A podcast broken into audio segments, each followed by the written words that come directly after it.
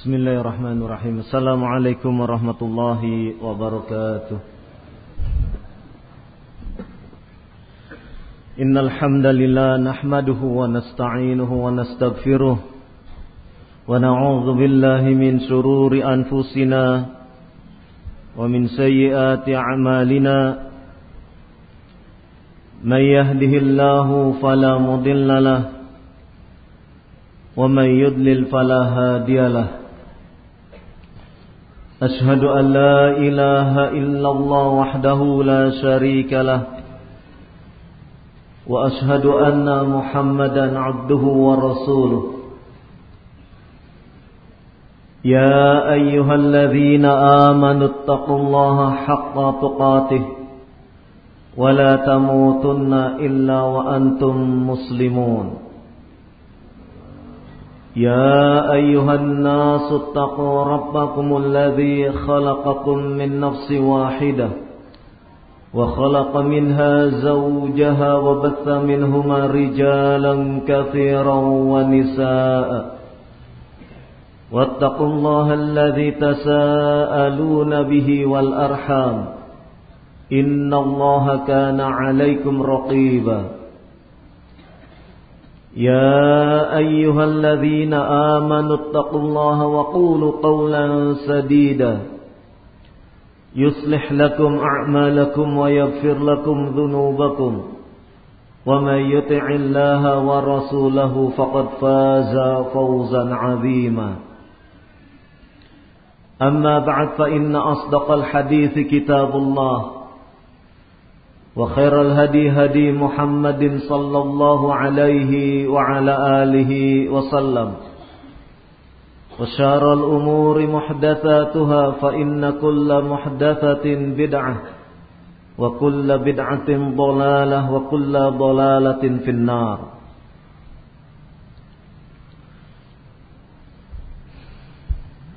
As-sidq kejujuran merupakan salah satu akhlak mulia yang diajarkan di dalam Islam. Rasulullah sallallahu alaihi wa ala alihi wasallam banyak mengajarkan tentang as-sidqu yaitu kejujuran. Karena sesungguhnya siapa pun yang memiliki akhlak dalam bentuk kejujuran maka sesungguhnya ia akan mendapatkan derajat yang mulia di sisi Allah Subhanahu wa taala Allah subhanahu wa ta'ala memerintahkan agar kita termasuk atau menjadi golongan orang-orang yang jujur. Dalam surat At-Taubah ayat 119 Allah Subhanahu wa taala berfirman, "Ya ayyuhalladzina amanu taqullaha wa kunu ma'as Wahai orang-orang yang beriman bertakwalah kalian kepada Allah dan jadilah kalian bersama orang-orang yang jujur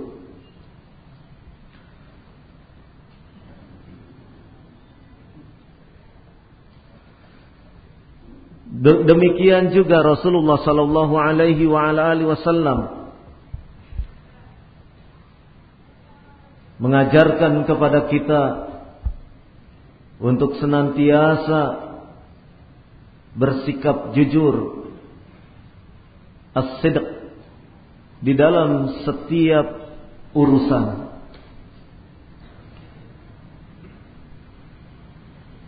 Di dalam urusan perdagangan Nabi sallallahu alaihi wa ala alihi wasallam juga memerintahkan mengajarkan, membimbing untuk senantiasa bersikap jujur. Barang siapa yang bersikap jujur di dalam muamalahnya, maka perniagaan yang ia lakukan akan mendapatkan keberkahan. Dalam sebuah hadis yang sahih, Rasulullah sallallahu alaihi wa ala alihi wasallam bersabda, al-bay'ani bil khiyari ma lam yatafarraqa.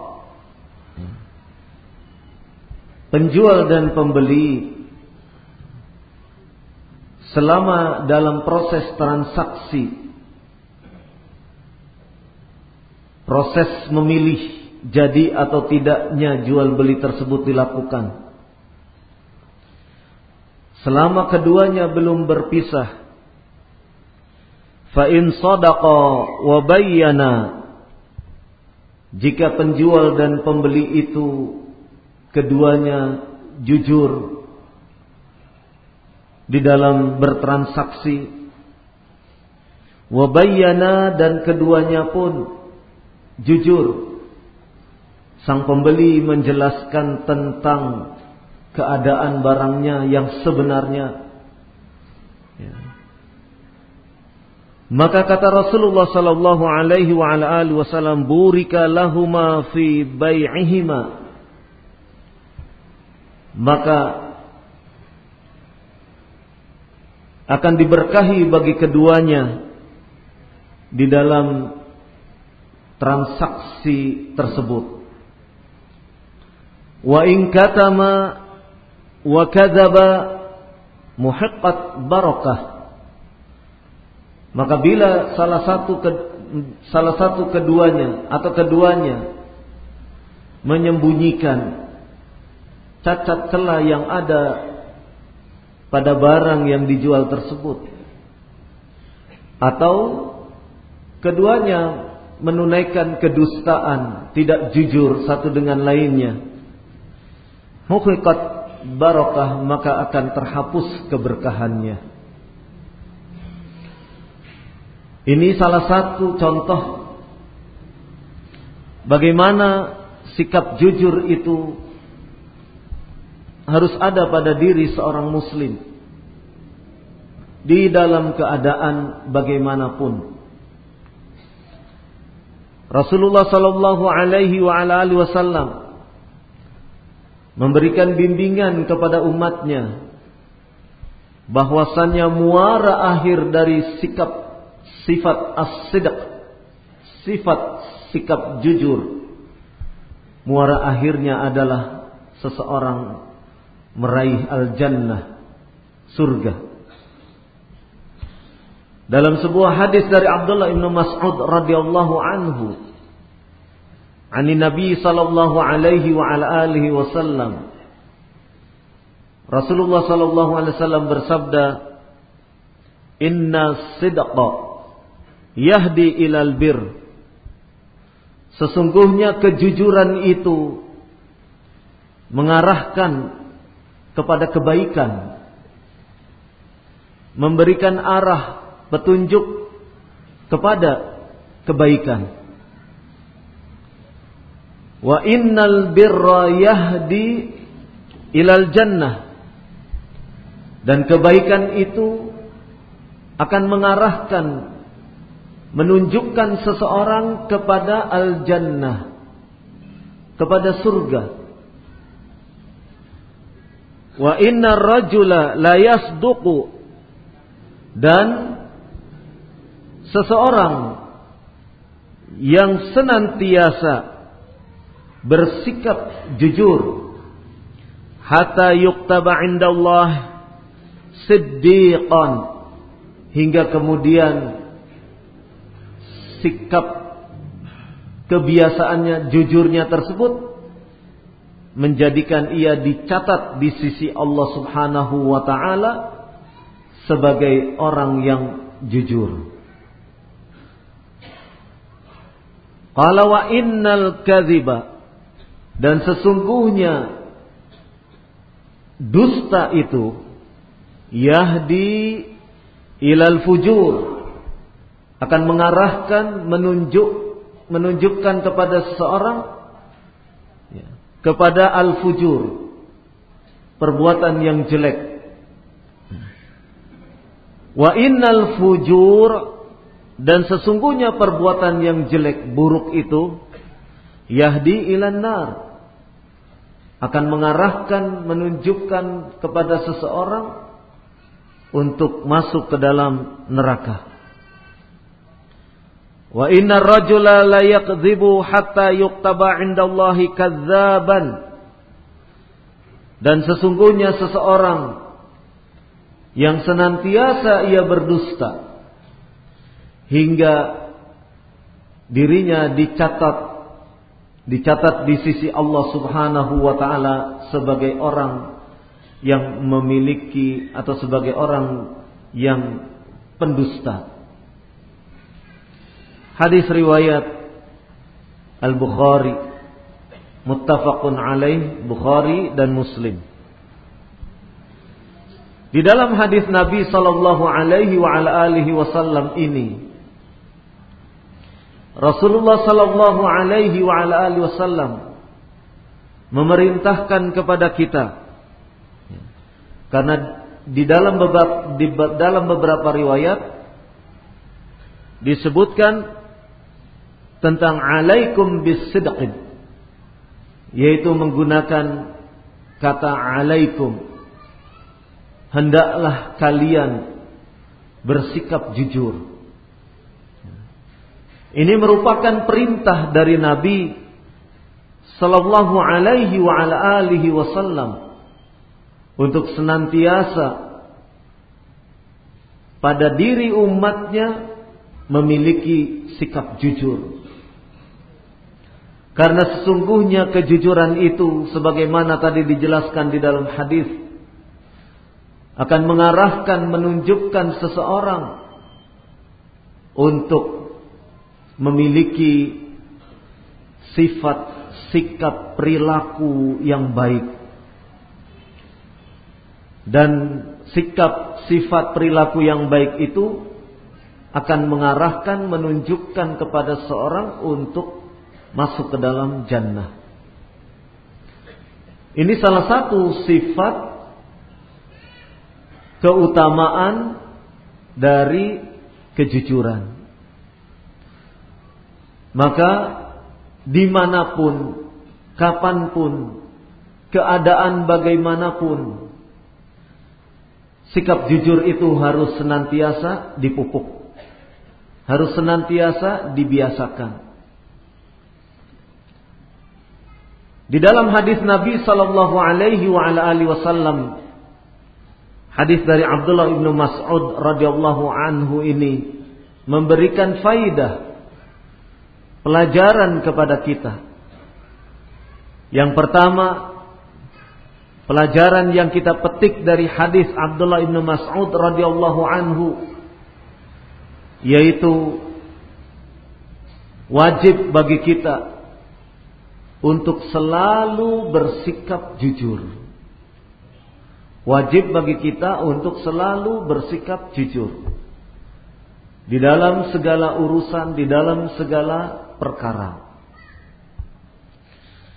Karena sebagaimana di dalam riwayat yang lain disebutkan oleh Rasulullah sallallahu alaihi wa ala alihi wasallam alaikum bisidqi hendaklah kalian jujur ini menunjukkan perintah dari Nabi sallallahu alaihi wa ala alihi wasallam kepada umatnya untuk selalu bersikap jujur.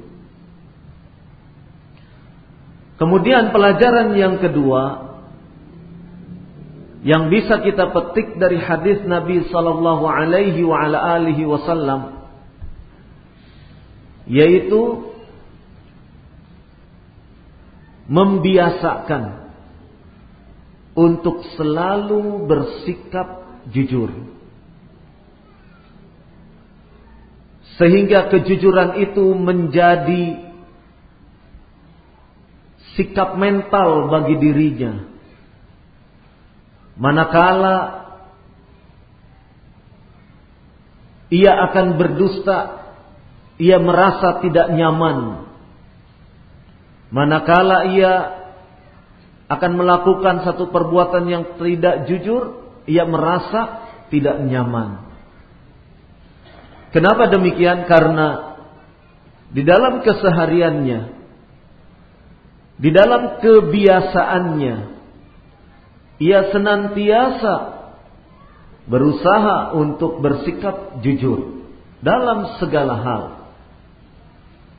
Dalam urusan jual beli, dalam urusan ya, perkara-perkara keduniaan,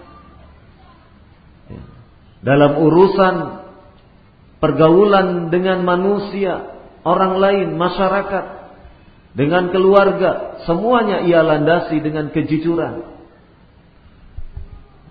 Tidak sedikit pun terbetik pada dirinya untuk melakukan kedustaan. Tidak sedikit pun pada dirinya untuk kemudian bersikap curang.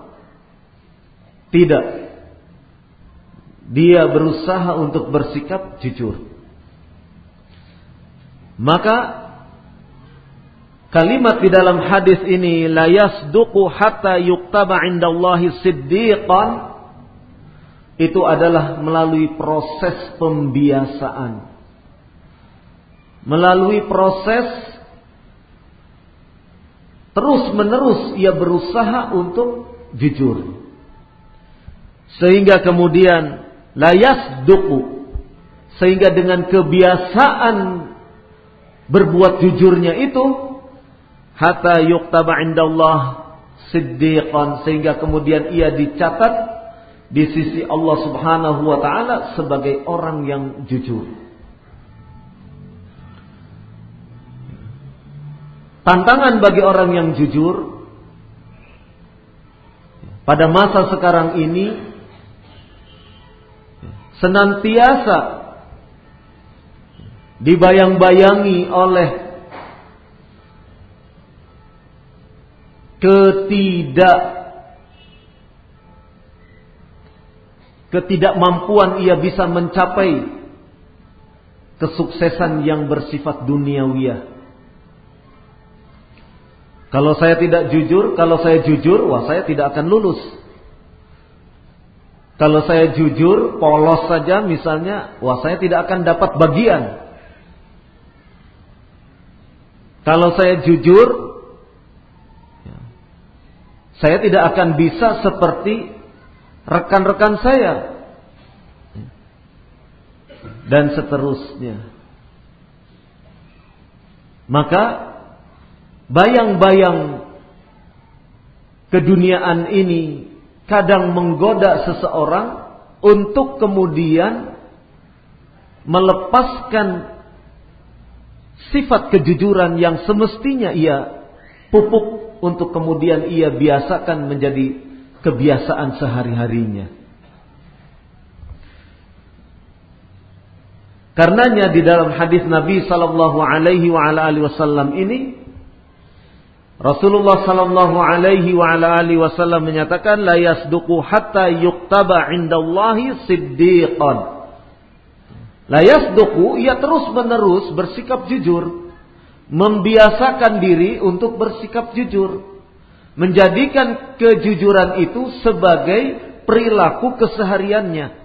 Maka kalau ia terus mengulang mengulang untuk jujur dan jujur, membiasakan jujur, maka Allah Subhanahu wa taala di sisi Allah Subhanahu wa taala ia akan dicatat sebagai orang yang siddiqan.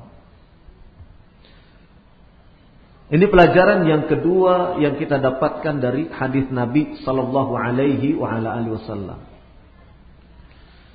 Pelajaran yang ketiga yang kita dapatkan dari hadis Nabi sallallahu alaihi wasallam ini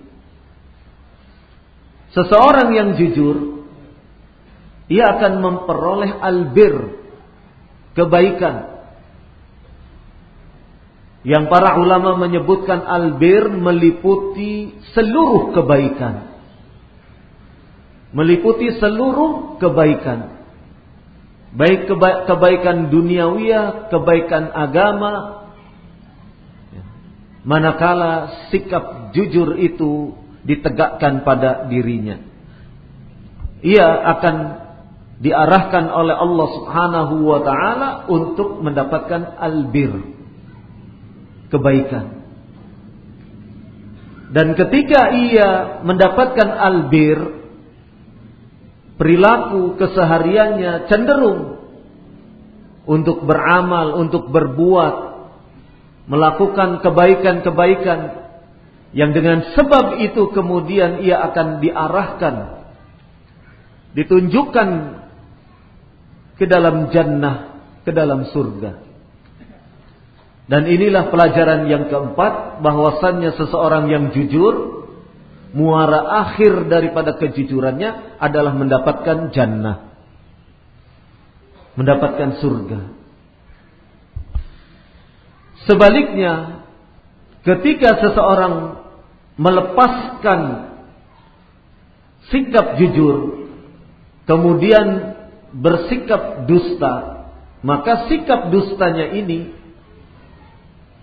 akan menghancurkan keadaan dirinya Bahkan ketidakjujurannya akan menghancurkan sendi-sendi kehidupan umat manusia dengan ketidakjujurannya. Karena seberapa besar seseorang memiliki kemampuan saat ia hidup di tengah masyarakat kemudian ia tidak berlaku jujur maka ketidakjujurannya ini akan menjadikan hubungan dengan sesama manusia bisa renggang. Hubungan dengan sesama manusia bisa retak, pecah, bahkan ya, tidak lagi bisa berhubungan, putus komunikasi. Kenapa? Karena ketika seseorang bersikap tidak jujur, berarti ada satu pihak yang merasa telah dikelabui dan bagi orang yang merasa telah dikelabui, maka ia tidak akan bisa mempercayai ya, teman seiringnya selama ini. Kata peribahasa, sekali lancung ke ujian, seumur hidup orang takkan percaya. Sekali seseorang kemudian berdusta, maka Hari-hari berikutnya orang akan ragu. Hari-hari berikutnya orang akan tidak percaya kepada diri orang yang telah mendustainya. Ini permasalahan yang sangat berat. Para ulama ah, ahlul hadis, para ulama yang berkecimpung di dalam menelaah, meneliti validitas kesahihan satu hadis itu akan langsung menjatuhkan satu hadis manakala ditemui satu perawinya pendusta. Langsung ditinggal. Ya, ketika ditemui ada yang meriwayatkan hadis satu hadis misalnya itu dari orang-orang yang telah ya, dikenal di kalangan para ulama sebagai pendusta. Ya. Dan kita bisa melihat seperti misalnya para ulama yang berkecimpung di dalam menelaah satu hadis. Para ulama akan langsung menolak hadis yang diriwayatkan kalau perawinya ini, orang yang meriwayatkannya ini memiliki latar belakang sebagai pengikut Syiah atau penganut Syiah. Kenapa demikian? Karena di dalam Syiah dusta itu telah menjadi tradisi. Di dalam Syiah dusta itu bahkan menjadi akidah. Yaitu yang disebut dengan taqiyah. Di kalangan Syiah, taqiyah itu adalah ibadah. Taqiyah adalah prinsip di dalam beragama mereka. Taqiyah. Apa itu taqiyah? Boleh berbohong, boleh berdusta. Maka para ulama dalam hal ini yang ya, memang pakar dalam meneliti hadis ataupun menentukan satu hadis ini sahih atau tidak. Begitu ditemukan perawinya dia memiliki latar belakang penganut Syiah, gugur hadisnya. Ini yang menjadikan masalah kejujuran itu sesuatu yang sangat sangat urgen di dalam ya, di dalam masalah din, dalam masalah agama. Dan kita bisa melihat pula bagaimana Rasulullah sallallahu alaihi wa ala wasallam mendidik umatnya, memerintahkan kepada umatnya. Di awal kali beliau berdakwah, beliau menyampaikan risalah. Senantiasa menanamkan tentang kejujuran, as-sidq. As-sidqu ditanamkan betul, jujur. Ini bisa kita lihat ya, dari hadis yang panjang, hadisnya dipenggal, ya, bahwasannya ketika para sahabat Rasulullah Sallallahu Alaihi Wasallam berhijrah dari Makkah ke negerinya Heraklius, ya, Raja Heraklius, ya, seorang Nasrani, ya, raja yang masih menganut atau sebagai Nasrani.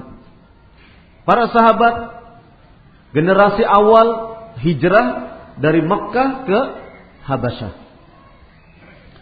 Kemudian Raja Heraklius bertanya kepada Abu Sofyan, yaitu Sakhar bin Harb, yang waktu itu belum memeluk Islam, yang datang ke negeri Raja Heraklius ini dalam rangka untuk melaporkan bahwasanya ada orang-orang dari Makkah pengikutnya Nabi Muhammad SAW yang berada ataupun berhijrah berpindah ke negerinya Raja Heraklius.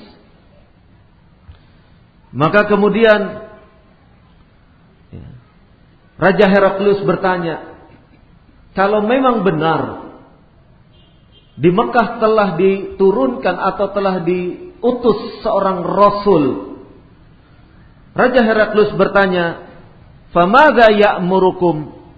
Apa yang diperintahkan kepada kalian oleh Rasul yang telah diutus itu? Ya, yakni apa yang diperintahkan oleh Nabi Sallallahu Alaihi Wasallam kepada para pengikutnya. Ya. Kalau Abu Sofyan, maka Abu Sofyan bercerita tentang apa yang diajarkan oleh Rasul yang ditunjuk ini yaitu Rasulullah sallallahu alaihi wasallam Muhammad sallallahu alaihi wasallam ya. apa ya. Abu Sufyan bercerita saya katakan kepada Heraklius ya Ubudallaha wahdahu wa la tusriku bihi syai'a Rasul yang diutus itu mengajarkan kepada pengikutnya untuk beribadah hanya kepada Allah saja dan tidak dan mereka dilarang untuk menyekutukan Allah Subhanahu wa taala dengan sesuatu pun. Kemudian Rasul itu pun memerintahkan kepada pengikutnya watruku ma yaqulu dan tinggalkan oleh kalian apa-apa yang telah apa-apa yang dikatakan oleh nenek moyang kalian untuk meninggalkan tradisi-tradisi yang menyelisih syariat. Wa ya'murna bis salat. Kemudian Rasul itu pun memerintahkan kami untuk menunaikan salat. Wasidqi. Dan Rasul itu pun memerintahkan kepada pengikut-pengikutnya untuk as untuk jujur. Ya. Wal afaf wassilah. Ya. Wal afaf wasilah dan untuk menjaga kehormatan dan untuk menyambung kekerabatan silaturahmi. Ini yang diajarkan yang diperintahkan oleh Rasul yang baru diutus oleh Allah Subhanahu wa taala di kalangan kaum Arab. Ya. Hadis ini menunjukkan bahwasannya apa yang diungkapkan oleh Abu Sofyan ya, yang waktu itu belum memeluk Islam diungkapkan kepada Raja Heraklius menceritakan tentang apa yang diperintahkan, apa yang diajarkan oleh Rasulullah Sallallahu Alaihi Wasallam kepada para pengikutnya satu di antaranya adalah bersikap jujur. Yang diperintahkan kepada para pengikutnya untuk selalu menjunjung tinggi kejujuran.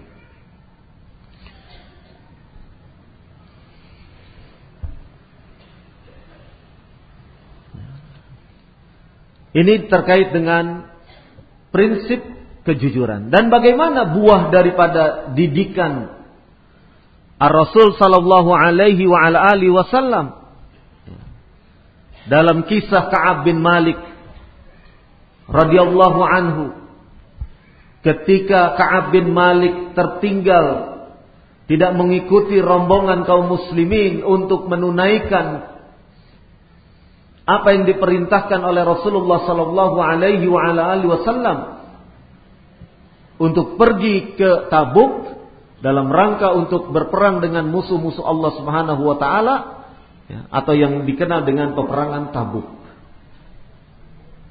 Ketika Rasulullah sallallahu alaihi wasallam kembali dari Tabuk, maka berdatangan orang-orang yang di dalam hatinya ada penyakit. Untuk apa? Untuk menyampaikan uzur mereka. Kenapa mereka tidak sampai ikut berangkat ke Tabuk? Karena peperangan Tabuk saat itu ditunaikan dalam keadaan panas yang sangat menyengat dan ketika itu pula panen raya sedang akan berlangsung. Sehingga godaan terhadap dunia untuk seseorang itu menarik diri tidak ikut dalam peperangan Tabuk itu sangat sangat besar. Nah, Nabi Shallallahu Alaihi Wasallam ketika kembali dari Tabuk berdatangan orang-orang menyampaikan uzurnya, orang-orang yang tertinggal di Madinah dan tidak ikut di dalam peperangan Tabuk. Satu demi satu menghadap kepada Rasulullah Shallallahu Alaihi Wasallam menyampaikan uzurnya dengan berbagai alasan dan Rasulullah Shallallahu Alaihi Wasallam menghukumi secara zahir. Adapun apa yang ada di dalam hatinya diserahkan kepada Allah Subhanahu wa taala.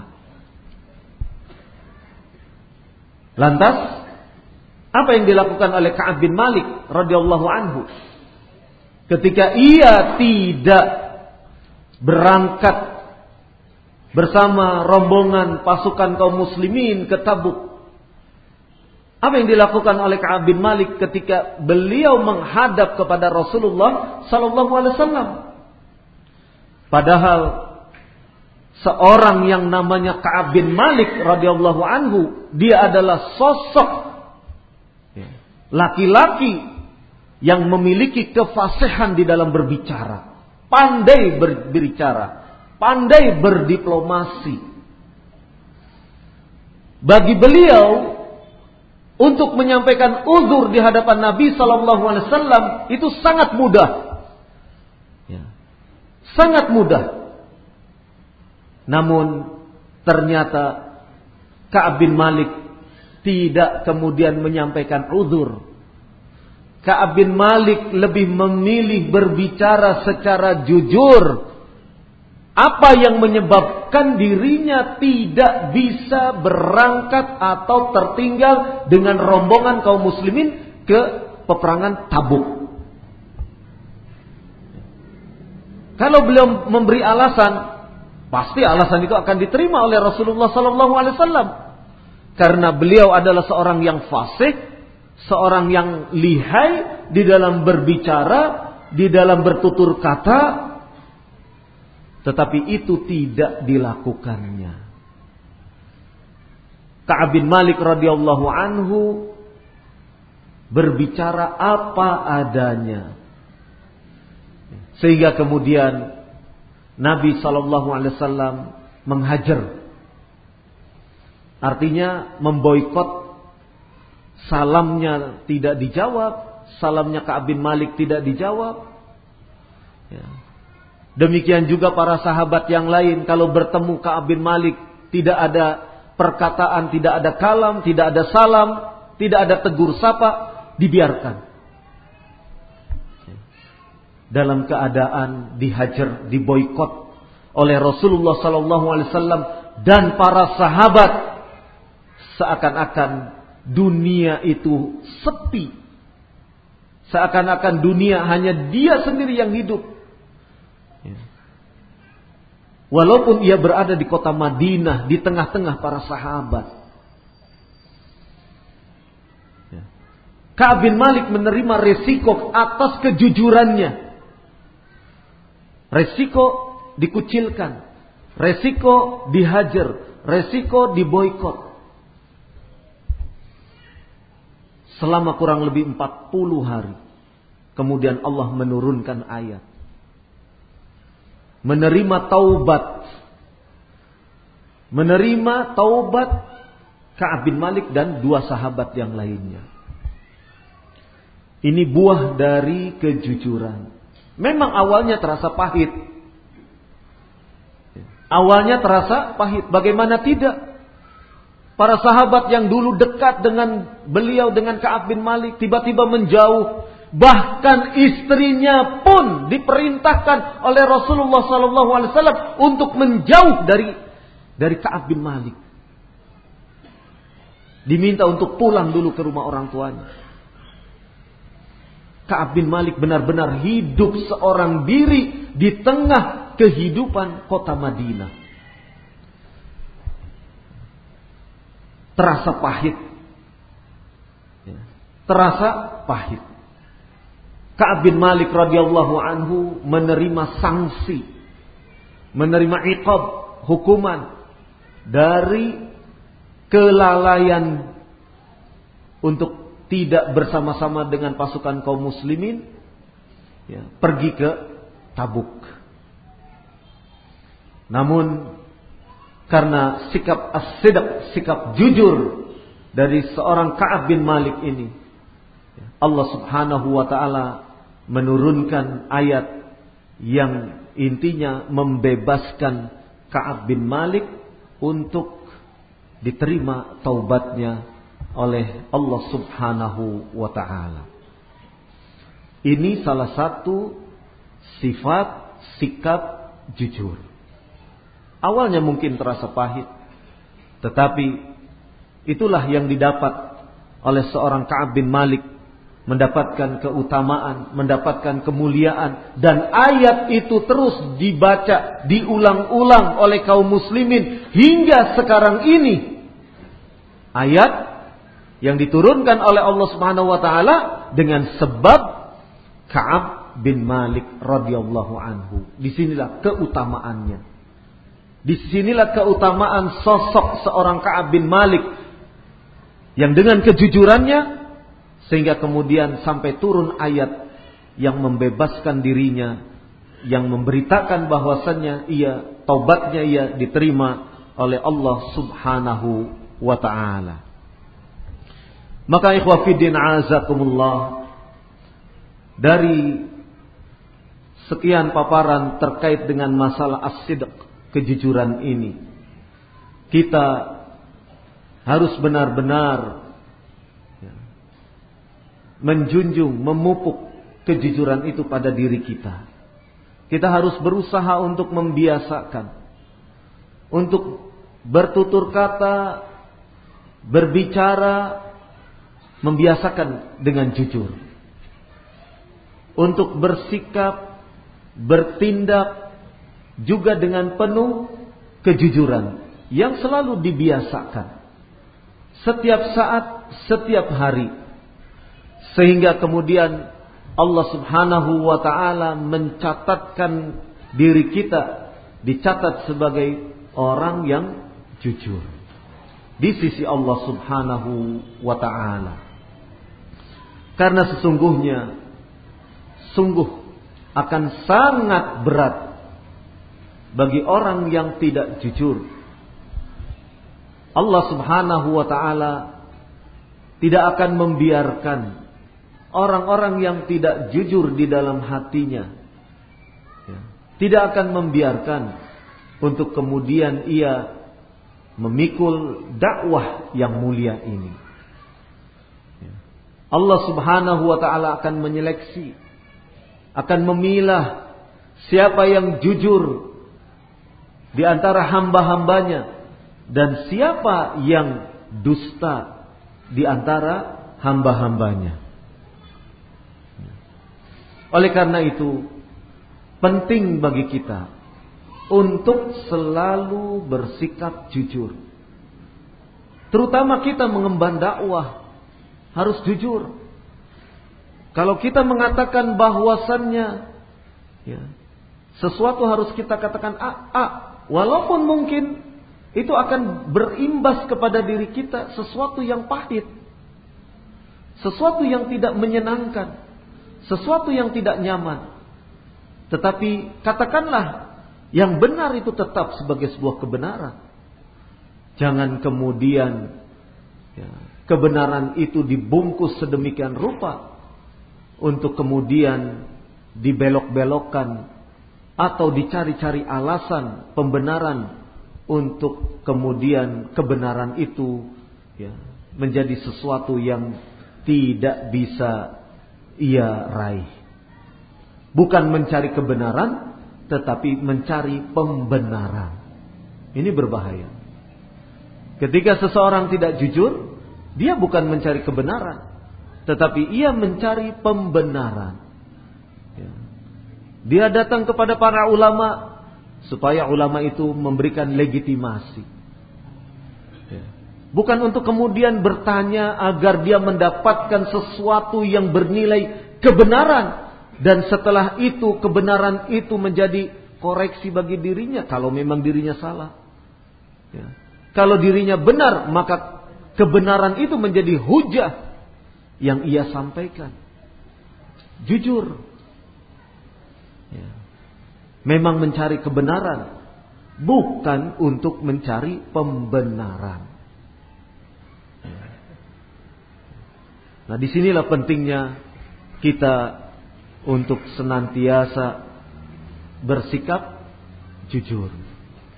Ya. Untuk senantiasa bersikap jujur. Ya. Jangan sampai kemudian Ya. Ada seorang dai ya. Ketika ditanya, "Ustaz, kok tampil di televisi? Kok ada musiknya?" Ya, tidak apa-apalah, sekedar musik saja. Tidak jujur dia. Tidak jujur. Kenapa dia tidak menjelaskan? Ya, itu salah. Ya, ya itu salah. Saya istighfar, saya bertobat, saya tidak akan mengulangi lagi. Harusnya jujur. Jangan kemudian mencari hilah. Ya. Jangan kemudian mencari pembenaran dari perbuatan yang memang sudah salah dilakukan. Ya. Ini kejujuran di dalam ya, memegang teguh agama. Ya. Karena apa? Karena umat. Umat akan meniru. Umat akan mencontoh. Kok kamu seperti itu? Ah kan ustadznya juga seperti itu. Nah, kalau sudah seperti itu bagaimana? Ya.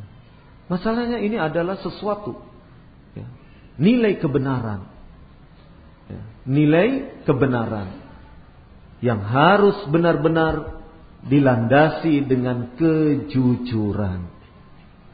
Ya. Jangan kemudian mencari helah, mencari helah, mencari alasan untuk kemudian supaya apa yang dilakukan ya, itu menjadi sesuatu yang dianggap benar. Padahal yang dilakukannya adalah sesuatu yang salah, sesuatu yang menyalahi syariat.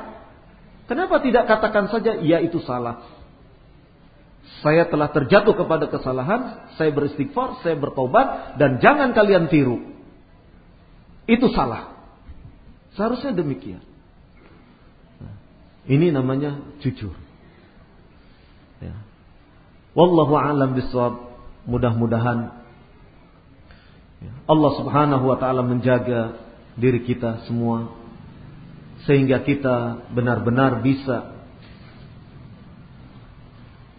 menapaki kehidupan ini dengan sikap istiqomah di atas kebenaran. Dan mudah-mudahan Allah Subhanahu wa taala memasukkan kita ke dalam golongan orang-orang yang dengan rahmatnya masuk ke dalam jannah. Jannah Allah Subhanahu wa taala. Amin. Demikian mudah-mudahan bermanfaat. Bila ada hal-hal yang kurang berkenan saya mohon maaf. Bila ada tutur kata yang salah saya memohon ampun kepada Allah Subhanahu wa taala ya. Subhanakallahumma wa bihamdik asyhadu an la ilaha illa anta astaghfiruka wa atubu ilaik Wassallallahu ala nabiyyina Muhammad walhamdulillahi rabbil alamin. Assalamualaikum warahmatullahi wabarakatuh.